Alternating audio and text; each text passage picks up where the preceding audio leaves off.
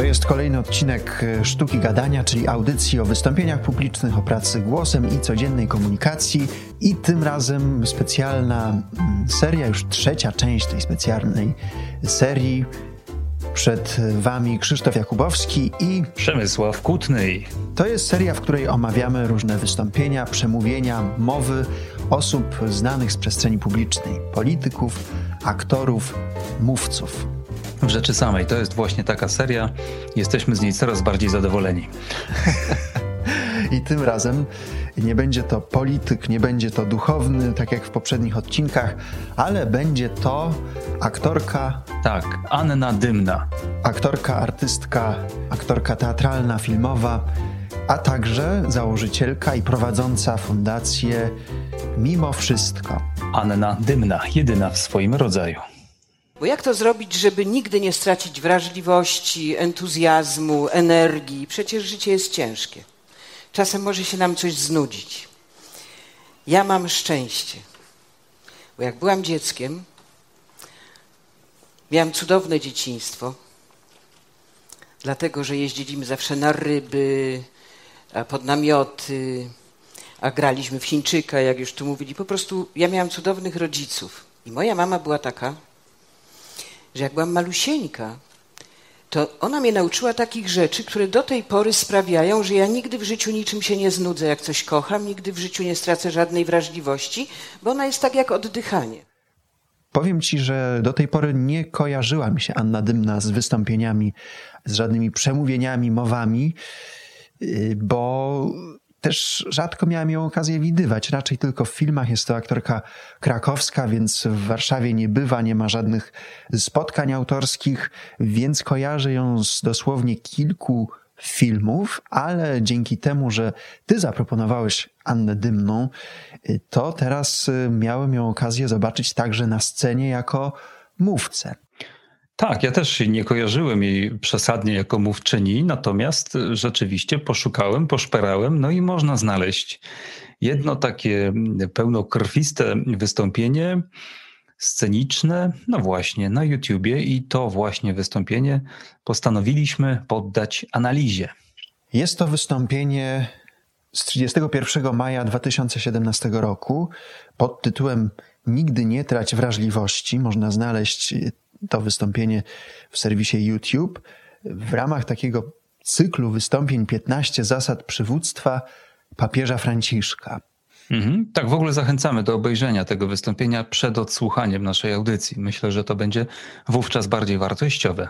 Ja jestem Ci wdzięczny za to, że wybrałeś taką osobę, chociaż byłem dosyć sceptyczny, no bo właśnie dlatego, że Anna Dymna nie kojarzyła mi się z wystąpieniami, ale to było dla mnie ciekawe doświadczenie oglądać właśnie to wystąpienie, dlatego że miałem możliwość zobaczenia aktora, aktorki, która na co dzień występuje w teatrze, występuje w filmie, a więc ma ogromne doświadczenie w wystąpieniach. No bo jednak aktor, prawda, codziennie, prawie codziennie, no teraz w pandemii jest trochę inaczej, ale codziennie występuje na scenie, więc jest to w zasadzie drugi dom aktora, ale jednocześnie oglądając Annę Dymną w takim wystąpieniu, uświadomiłem sobie, że aktor wychodzi w takich okolicznościach nagi, bo nie może się zasłonić żadną rolą, tak. żadnym tekstem, rekwizytem, przebraniem, żadną konwencją. I, I tak sobie pomyślałem, że, że dla wielu aktorów jest to byłoby to ogromnym wyzwaniem i nie każdy aktor by się na to zdecydował. Dlatego tym bardziej podziwiam Annę Dymną, że zdecydowała się wystąpić e, swoim tekstem, w swoim imieniu, swoimi słowami. E, myślę, że niewielu aktorów by się na to zdecydowało, bo jest to no, ryzyko, mówienie od siebie. A tutaj Anna Dymna wystąpiła i mówiła swoimi słowami. No mówić od siebie to rzeczywiście najtrudniejsza ze sztuk, e, można powiedzieć, chyba.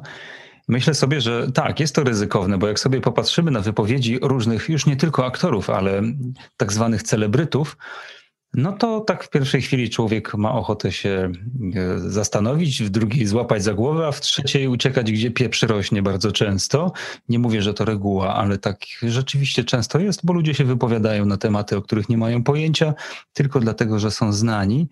Tymczasem tutaj nie dość, że pani Anna Dymna zna się na tym, o czym mówi, to jeszcze na dokładkę robi to w sposób, który moim zdaniem jest przekonujący, pomimo tego, że retorycznie to wystąpienie jest dalekie od ideału.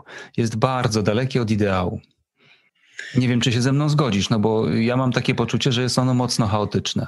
Tak, zgodzę się zdecydowanie. Dla mnie to nie jest mowa, to nie jest przemówienie, tylko bardziej jest to taka gawenda przy herbacie.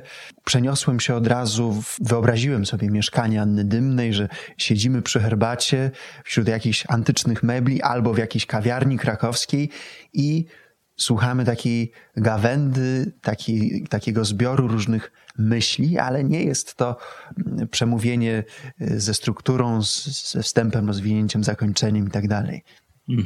To jest takie wystąpienie, jakby można jeszcze mm, powiedzmy sobie wyobrazić przy tej herbacie, zanim zostanie podane coś mocniejszego, tak bym ujął. Bo jest oczywiście poważne, jest, y, jest pełne takich przemyśleń osobistych, doświadczeń różnego rodzaju, w tym osobistej historii, także związanej z dzieciństwem. Takich rzeczy się nie mówi przypadkowym osobom, więc to Twoje skojarzenie bardzo mi to pasuje. Takie rzeczy się mówi osobom bliskim raczej. I tym, myślę sobie, to wystąpienie różni się od takich typowo, jakby to powiedzieć, charakterystycznych dla innych platform, jak TED, jak różnego rodzaju przedsięwzięcia z większą pompą, z większym kijem w plecach. Tutaj tego w ogóle nie ma. Tak, a jednocześnie mam wrażenie, że od samego początku Anna Dymna przenosi nas w jakiś taki nastrój, taki, jakiś taki, nie wiem jak to określić, poetyki, takiej poezji, takiej właśnie intymności. I rzeczywiście nie jest to takie wystąpienie typowo konferencyjne, tak. No nie, nie jest, nie jest, absolutnie. Zwróć uwagę na to, jak ona to osiąga. Ona tam wypowiada wyrazy, słowa wypowiada z taką emfazą. Jak ona patrzy w niebo, to ona nie patrzy w niebo, tylko ona patrzy w niebo. To jest inne niebo niż to, w które normalnie patrzymy. Więc ona po prostu stosuje szereg środków takich aktorskich. Mm, przy czym y, myślę sobie, że przede wszystkim te środki są skoncentrowane wokół sposobu wypowiadania słów, mniej wokół sposobu poruszania się po scenie, zarządzania swoim ciałem, bo to wszystko tam akurat jest dość takie, powiedzmy sobie, naturalno-swobodne, tak bym to nazwał. Ale gdyby to był mówca inny niż ona, o innym nazwisku, mam duże wątpliwości, czy byłby przekonujący. Tak, ja też dostrzegam takie elementy aktorskie, y, takie skupienie, świadomość tempa mówienia, no oczywiście dykcja, ale już głos na przykład wydaje mi się, że już nie jest y, aktorski. To znaczy mam takie wrażenie, że, że, że Anna Dymna jest tutaj bardzo prywatna, i, I sądzę, że ma głos, bo zresztą w niektórych fragmentach tego wystąpienia ten głos wybrzmiewa, taki właśnie aktorski, mocny, ale całe wystąpienie mówi takim raczej wycofanym, delikatnym, takim napowietrzonym głosem prywatnym. I tutaj wracam do tego, czego y, zaczęliśmy, czyli kiedy aktor wychodzi nie w roli, y, no to to jest ciekawe obserwować go, jak mówi. Mhm. No, z jednej strony zgoda, bo rzeczywiście, jak się porówna te, zwłaszcza cytat, który się pojawia, ten cytat z Miłosza, który pojawia się na końcu, no to różnica jest ewidentna. Tam jest melodia, tam jest tempo inne, tam wszystko jest inne. To jest po prostu tekst przygotowany, opracowany, wystudiowany, wyreżyserowany. Oczywiście y, nie byłby taki, gdyby nie serce, zaangażowanie i mądrość pani Anny Dymnej. I w zestawieniu y, z tym wierszem wcześniej wypowiadane słowa rzeczywiście są takie, można powiedzieć, charakterystyczne dla zwykłej rozmowy, albo dla takiej, można powiedzieć, swego rodzaju spowiedzi. Natomiast ja i tak dostrzegałbym fragmenty takiej właśnie aktorskiej emfazy w niektórych kluczowych momentach wystąpień, kiedy mówi ona o swoim dzieciństwie, kiedy mówi ona właśnie o, o takim zachwycie przyrodą, o takim zachwycie światem, życiem. Ja mam tu problem z tym, żeby tak ewidentnie rozróżnić, czy tam rzeczywiście jest aktorstwo, czy to jest y, pani Anna. Mam takie poczucie, że, że, że to drugie zdecydowanie. Natomiast no, ta emfaza wręcz mi trochę przeszkadza, bo bo takie mam poczucie, że, że gdzieś tam jest ona może nieco sztuczna, ale to ja tak odbieram. Ja mam takie jakieś może skrzywienie, że nie lubię przesadnych emocji na scenie i może dlatego mnie to trochę dystansuje bardziej mnie przekonuje w tym całym swoim takim naturalnym toku wypowiadania się, e, nie do końca zorganizowanym, co pięknie pokazuje, że wcale nie trzeba być e, zaraz od początku do końca perfekcyjnie przygotowanym, jeśli chodzi o dostarczenie treści, o formę treści, aby być przekonującym. Bo pozwolę się tutaj y, z Tobą odrobinkę nie zgodzić, jeśli chodzi o poziom przygotowania, bo mam wrażenie, że choć nie jest to jakaś super idealna struktura, to jednak tam po kolei da się wyszczególnić elementy jak najbardziej, które prowadzą od A do, do Z bo, bo nawet się pojawia na końcu rodzaj klamry, o którym być może jeszcze powiemy. Nauczyła mnie, że czasem trzeba się popatrzeć w niebo, nie? Trzeba się popatrzeć w niebo i nagle czujesz się, że jesteś taki szczęśliwy, nie wiem, ale taki malutki jakiś. Coś dziwnego jest. Nie wiem, czy wy się często patrzycie w niebo. Albo jak jesteś okropnie zmęczony, masz już dosyć, przecież my ciężko pracujemy. Ja robiłam te filmy, się jeździ z planu na plan, nie śpisz, tu teatr, już nie wiesz jak się nazywasz.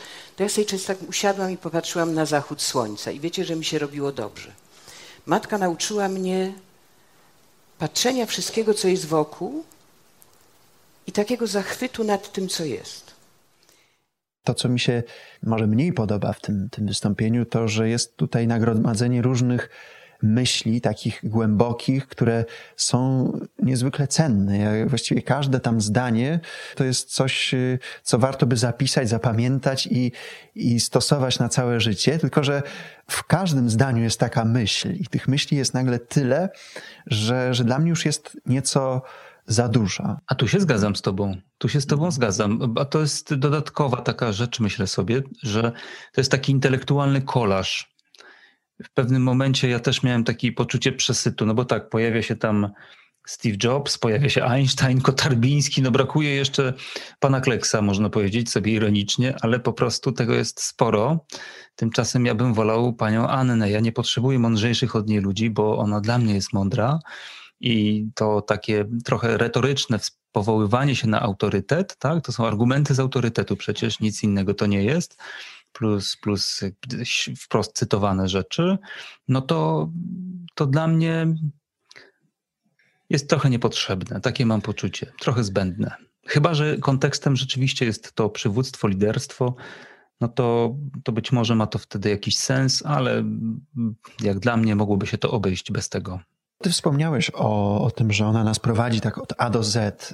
Ja mam inne wrażenie. Mam, gdybym miał się posłużyć jakąś metaforą, to zabrakło mi takiej liny. Tak, czasami mówcy łapią nas za taką linę na początku wystąpienia i ciągną w jakimś konkretnym kierunku. Czasem oczywiście zbaczają, opowiadając jakąś anegdotę, wtrącenie, coś nawiasem mówiąc, a tutaj ja nie wyczuwam takiej liny, która by mnie ciągnęła w jakimś kierunku do mety, która jest dla mnie jasna i precyzyjna od początku do końca.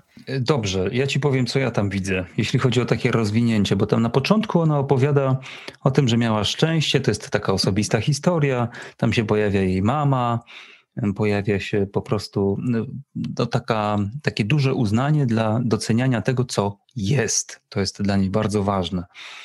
A potem tak na dobrą sprawę opowiada o tym, że życie może być cudem, bądź też nie być tymże cudem.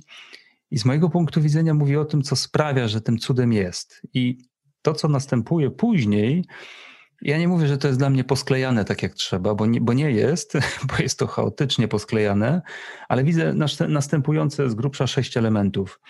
Kiedy ona mówi o pielęgnowaniu dziecka w sobie, kiedy potem mówi, że trzeba kochać ludzi, potem, żeby kochać pracę, potem, żeby, żeby się stale rozwijać, żeby ciągle pozostawać w stanie niewiedzy.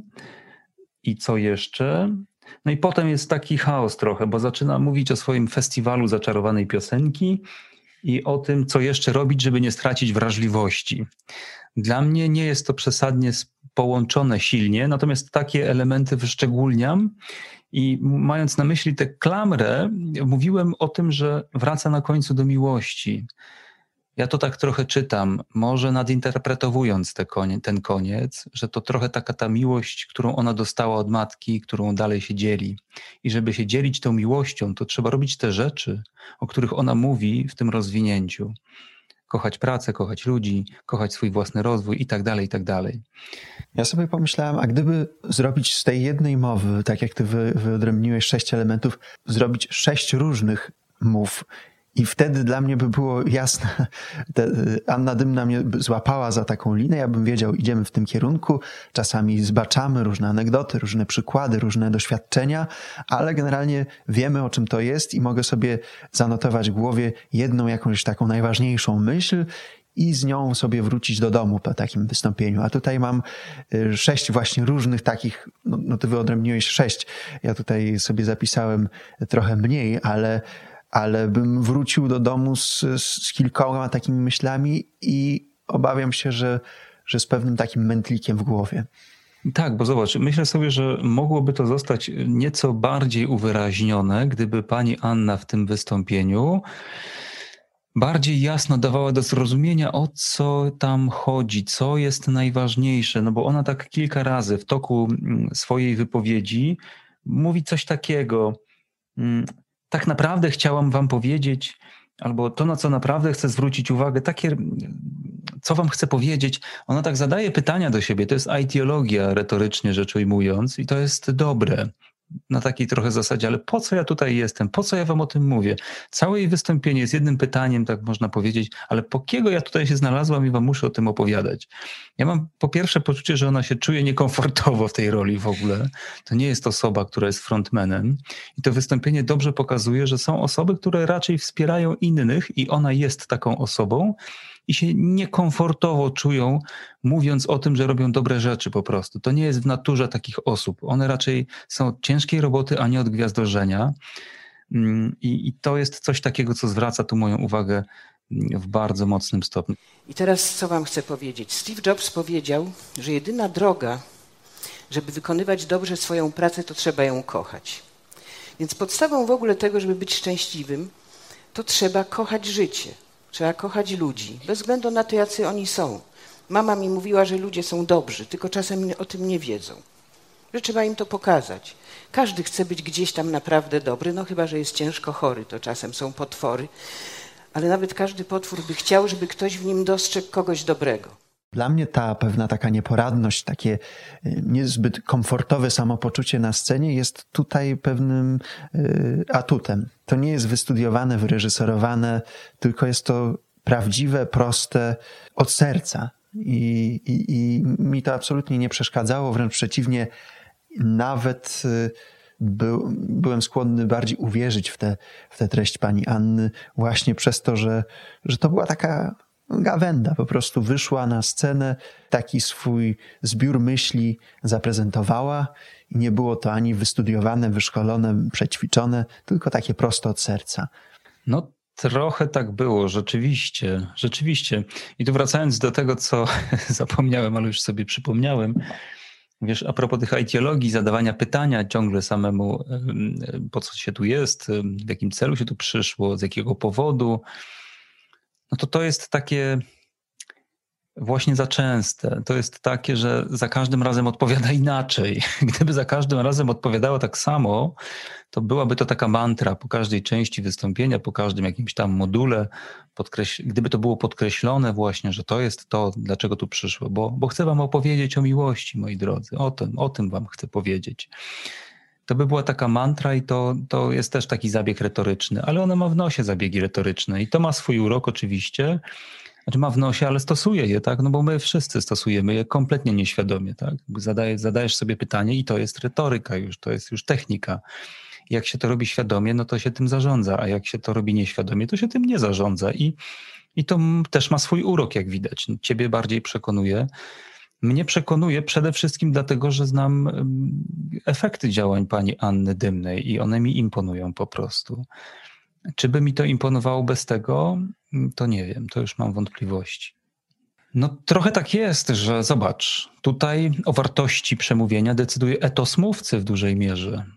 ten logos, czyli treść, jest mniej istotna w ogóle niż etos i patos, czyli wiarygodność mówcy, którą się zdobywa poza sceną i emocjonalność, którą się na tej scenie pokazuje.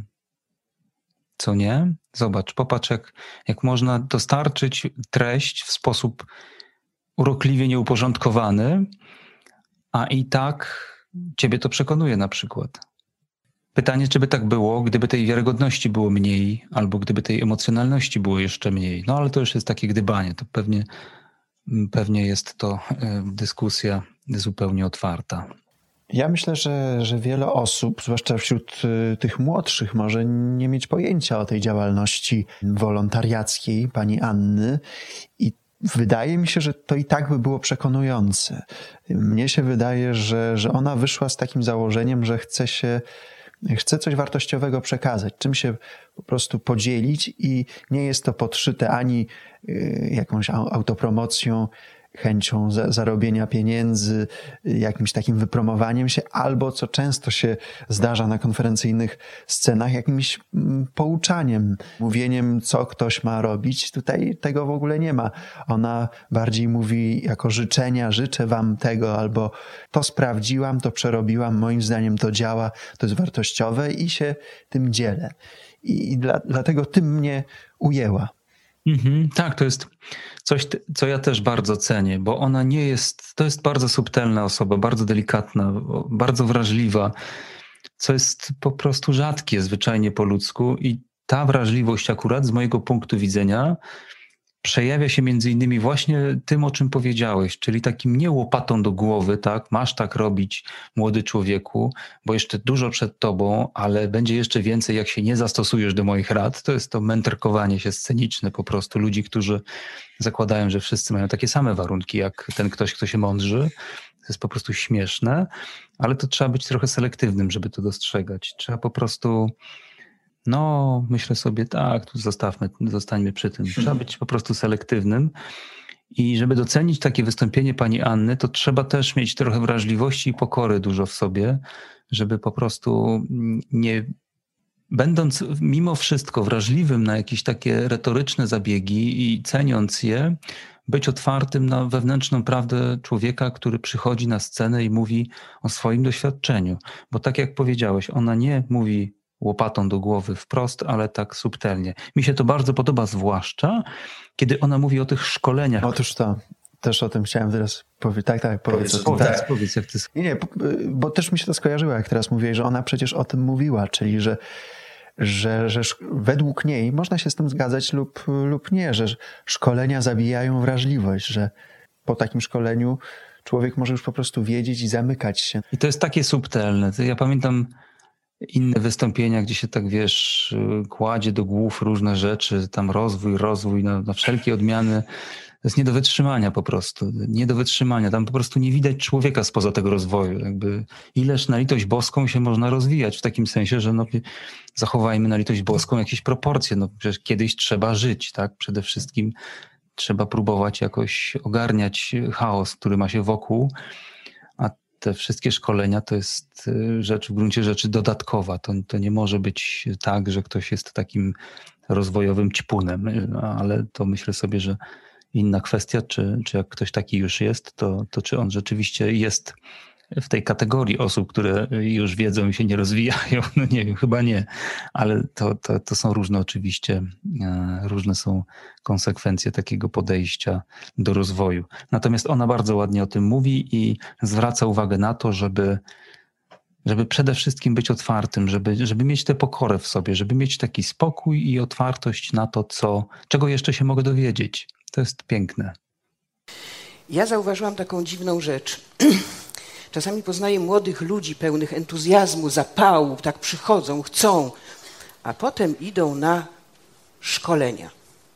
Wiecie, są szkolenia. Dużo pieniędzy z Unii Europejskiej poszło na szkolenia. I staje się coś dziwnego, że te szkolenia zabijają wrażliwość. Ktoś już po prostu wie. Już nie można z nim porozmawiać, bo on już wie nie otwiera się na drugiego człowieka, nie szuka jakiejś nowej drogi. Przecież każdy człowiek jest inną planetą. On po prostu już wie. Tak, bo to, co powiedziałeś, ten, ten rozwój osobisty może generować takie zbyt duże nastawienie na siebie, taki jakiś egoizm, a ona wręcz podkreśla, że, że wrażliwość polega na tym, że chce się zbliżyć do człowieka, dotknąć go. Mhm. Tak, tak, tak, tak. No i ona taka właśnie jest, bardzo nastawiona na drugiego człowieka, na naprawdę o nim i to w tym wszystkim bardzo silnie wybrzmiewa. I też bardzo ładnie mówi o tym, z czego to wynika. I to tutaj, wiesz, wydaje mi się, że na takim poziomie mm, głębszym treści ta nitka, którą ty nazwałeś liną, która ciągnie, to dla mnie to jest nić, bo zobacz, zamiast liny jest nić. Bo popatrz, że ona na początku mówi o tym dziecku, które pielęgnuje w sobie. No, czymże to jest jak nieotwartością właśnie, tą, którą, do której ona wraca, kiedy mówi o tych szkoleniach, które no, nie powinny być celem samym w sobie. To trzeba cały czas być otwartym, żeby się rozwijać. A żeby się rozwijać, no jak inaczej? No, trzeba to dziecko pielęgnować, które jest otwarte na świat, co nie? Takie są dzieci w większości. One są ciekawe świata i to jest przepiękne. I dopóki my mamy tę wrażliwość, dopóty po prostu żyjemy tak naprawdę, bo myślę sobie, że gdzieś tam ona taką prawdę o nas próbuje też przemycić w, to, w tym wystąpieniu. Że dopóki tkwisz w zdziwieniu, dopóki jesteś otwarty, dopóki te wewnętrzne zmarszczki nie, nie, nie opadają ci na oczy łącznie razem z brwiami, to, to po prostu mm, żyjesz, twoja dusza żyje. A gdybyś miał powiedzieć, czego możemy się nauczyć od Anny Dymnej jako mówcy na poziomie warsztatowym. Nie mówię tutaj o, o treści wystąpienia, tylko właśnie od niej jako mówcy. To co by to było? Ja bym powiedział, że to jest przede wszystkim dotarcie do prawdy o sobie, bo jeśli jest tak, że masz być mówcą trochę chaotycznym, ale sprawi to, że tylko to sprawi, że będziesz po prostu naturalny i prawdziwy, to niech to będzie twój kierunek. Nie, nie przymuszaj się, żeby na siłę e, pakować się w jakieś formy, które nie są twoje. Po co ci to? To jest tak jak z biegami. E, oczywiście jak ćwiczysz sport, jak uprawiasz sport, zawodowo zwłaszcza, tam się kładzie nacisk na formę, na technikę. To wszystko jest jakieś, prawda? Jest jakaś ergonomia biegania, pływania i tak dalej. Tylko co z tego, skoro od czasu do czasu trafia się ktoś, kto wygląda jak po prostu jakby nie umiał biegać, albo brzydko grał w tenis, albo cokolwiek, ale jest, fenomen, ale jest fenomenalny.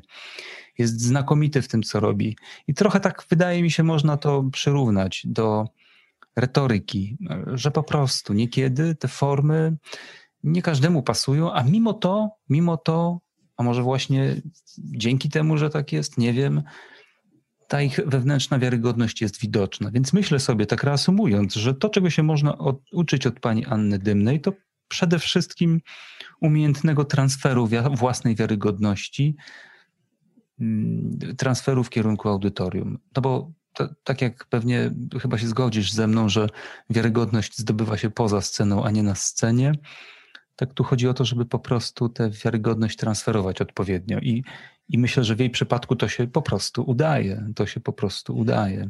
Na poziomie tego wystąpienia, w sensie nie mówię wysokim, niskim, tylko raczej nie tyle o poziomie powinienem powiedzieć, ile o kategorii, bo to nie jest jakieś wystąpienie bardzo perswazyjne. Ja bym go tak nie nazwał. Jeśli ona chciała osiągnąć jakiś efekt dzięki temu, to w żaden sposób nie jesteśmy w stanie go zmierzyć. To po pierwsze.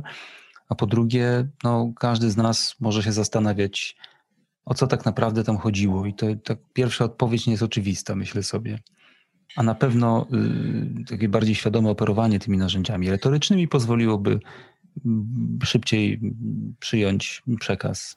Jeżeli chodzi o treść, czy o, o formę? W, w ogóle, to, to, wiesz co, nie, nie pytam hmm. konkretnie. W tym wystąpieniu najbardziej mi się podobały te myśli, ten zbiór myśli, które pani Anna przekazała. Tak jak wspomniałem, było to, tego dla mnie za dużo, ale niektóre były takie, które, które utkwiły mi w pamięci i myślę, że pozostaną e, na długo. Tak jak o tym, żeby kochać swoją pracę, że ona tego nam życzy, albo że, że szkolenia zabijają wrażliwość no to są takie, takie rzeczy, które, z którymi niekoniecznie trzeba się zgadzać, ale jednak jakoś y, tkwią w pamięci. To było dla mnie mocne. Dobrze, Przemku, to tyle, jeżeli chodzi o panią Annę, myślę. Natomiast jeszcze jedną rzecz chciałem powiedzieć, mianowicie ostatnio wyszła twoja książka. Książka, która nazywa się Sztuka autoprezentacji i wystąpień publicznych i chciałem Ci serdecznie pogratulować. Akurat w Twoim przypadku jestem spokojny o tę książkę, bo wiem, jakie masz doświadczenie i jak długo zbierałeś te, te informacje, te wiedzę, te doświadczenia, które zawarłeś w książce. Jeszcze nie miałem jej okazji e, przeczytać, ale, ale już, już polecam ją e, słuchaczom i, i gratuluję Ci. Ja Ci bardzo serdecznie dziękuję i za pamięć o tym też, bo w trakcie rozmowy nie umawialiśmy się w ogóle, że o tym wspomnimy, więc serdeczne dzięki. Tak, zachęcam, zapraszam. No cóż mogę powiedzieć, tak? No, nigdy nie byłem dobrym reklamodawcą samego siebie, niestety. Pewnie dlatego myślę sobie, że wolę jak inni mówią za mnie o moich własnych jakichś tam dokonaniach, ale tutaj akurat myślę sobie, że oficyna jest też całkiem wiarygodna, to jest PWN, więc myślę sobie, że, że, że no nie tylko ja mam nadzieję, uważam, że są to wartościowe rzeczy. I myślę, że tak, tak mi intuicja podpowiada, że rozpoczyna się nowy rozdział w Twojej karierze krasomówczej, czego Ci y, życzę, no i też y, życzę naszym słuchaczom, bo to jest ostatni odcinek przed y, świętami, że więc y, możemy chyba wspólnie życzyć wszystkiego dobrego, ale jeszcze usłyszymy się w tym roku, bo porozmawiamy o Jacku Walkiewiczu i tym jego słynnym wystąpieniu, które zmieniło jego, również jego zawodowe życie. No i myślę, że zmieniło też życie wielu, wielu słuchaczy. Tak, no to jest w ogóle ciekawe pytanie, czy rzeczywiście zmieniło, i, bo jego to na pewno, ale czy słuchaczy to jest, to ja uwielbiam o takich rzeczach rozmawiać, bo one są głośne i dużo osób wie, o czym wówczas mówimy i sporo osób jest czymś zachwyconym, zwłaszcza tym wystąpieniem. Czy my się będziemy zachwycać nim tak samo jak większość moich znajomych na przykład? to się przekonamy już wkrótce, Krzyśku. Tak, słyszymy się za dwa tygodnie. Wszystkiego dobrego. Krzysztof Jakubowski i Przemysław Kutnej. Wszystkiego dobrego. Do usłyszenia. Do usłyszenia.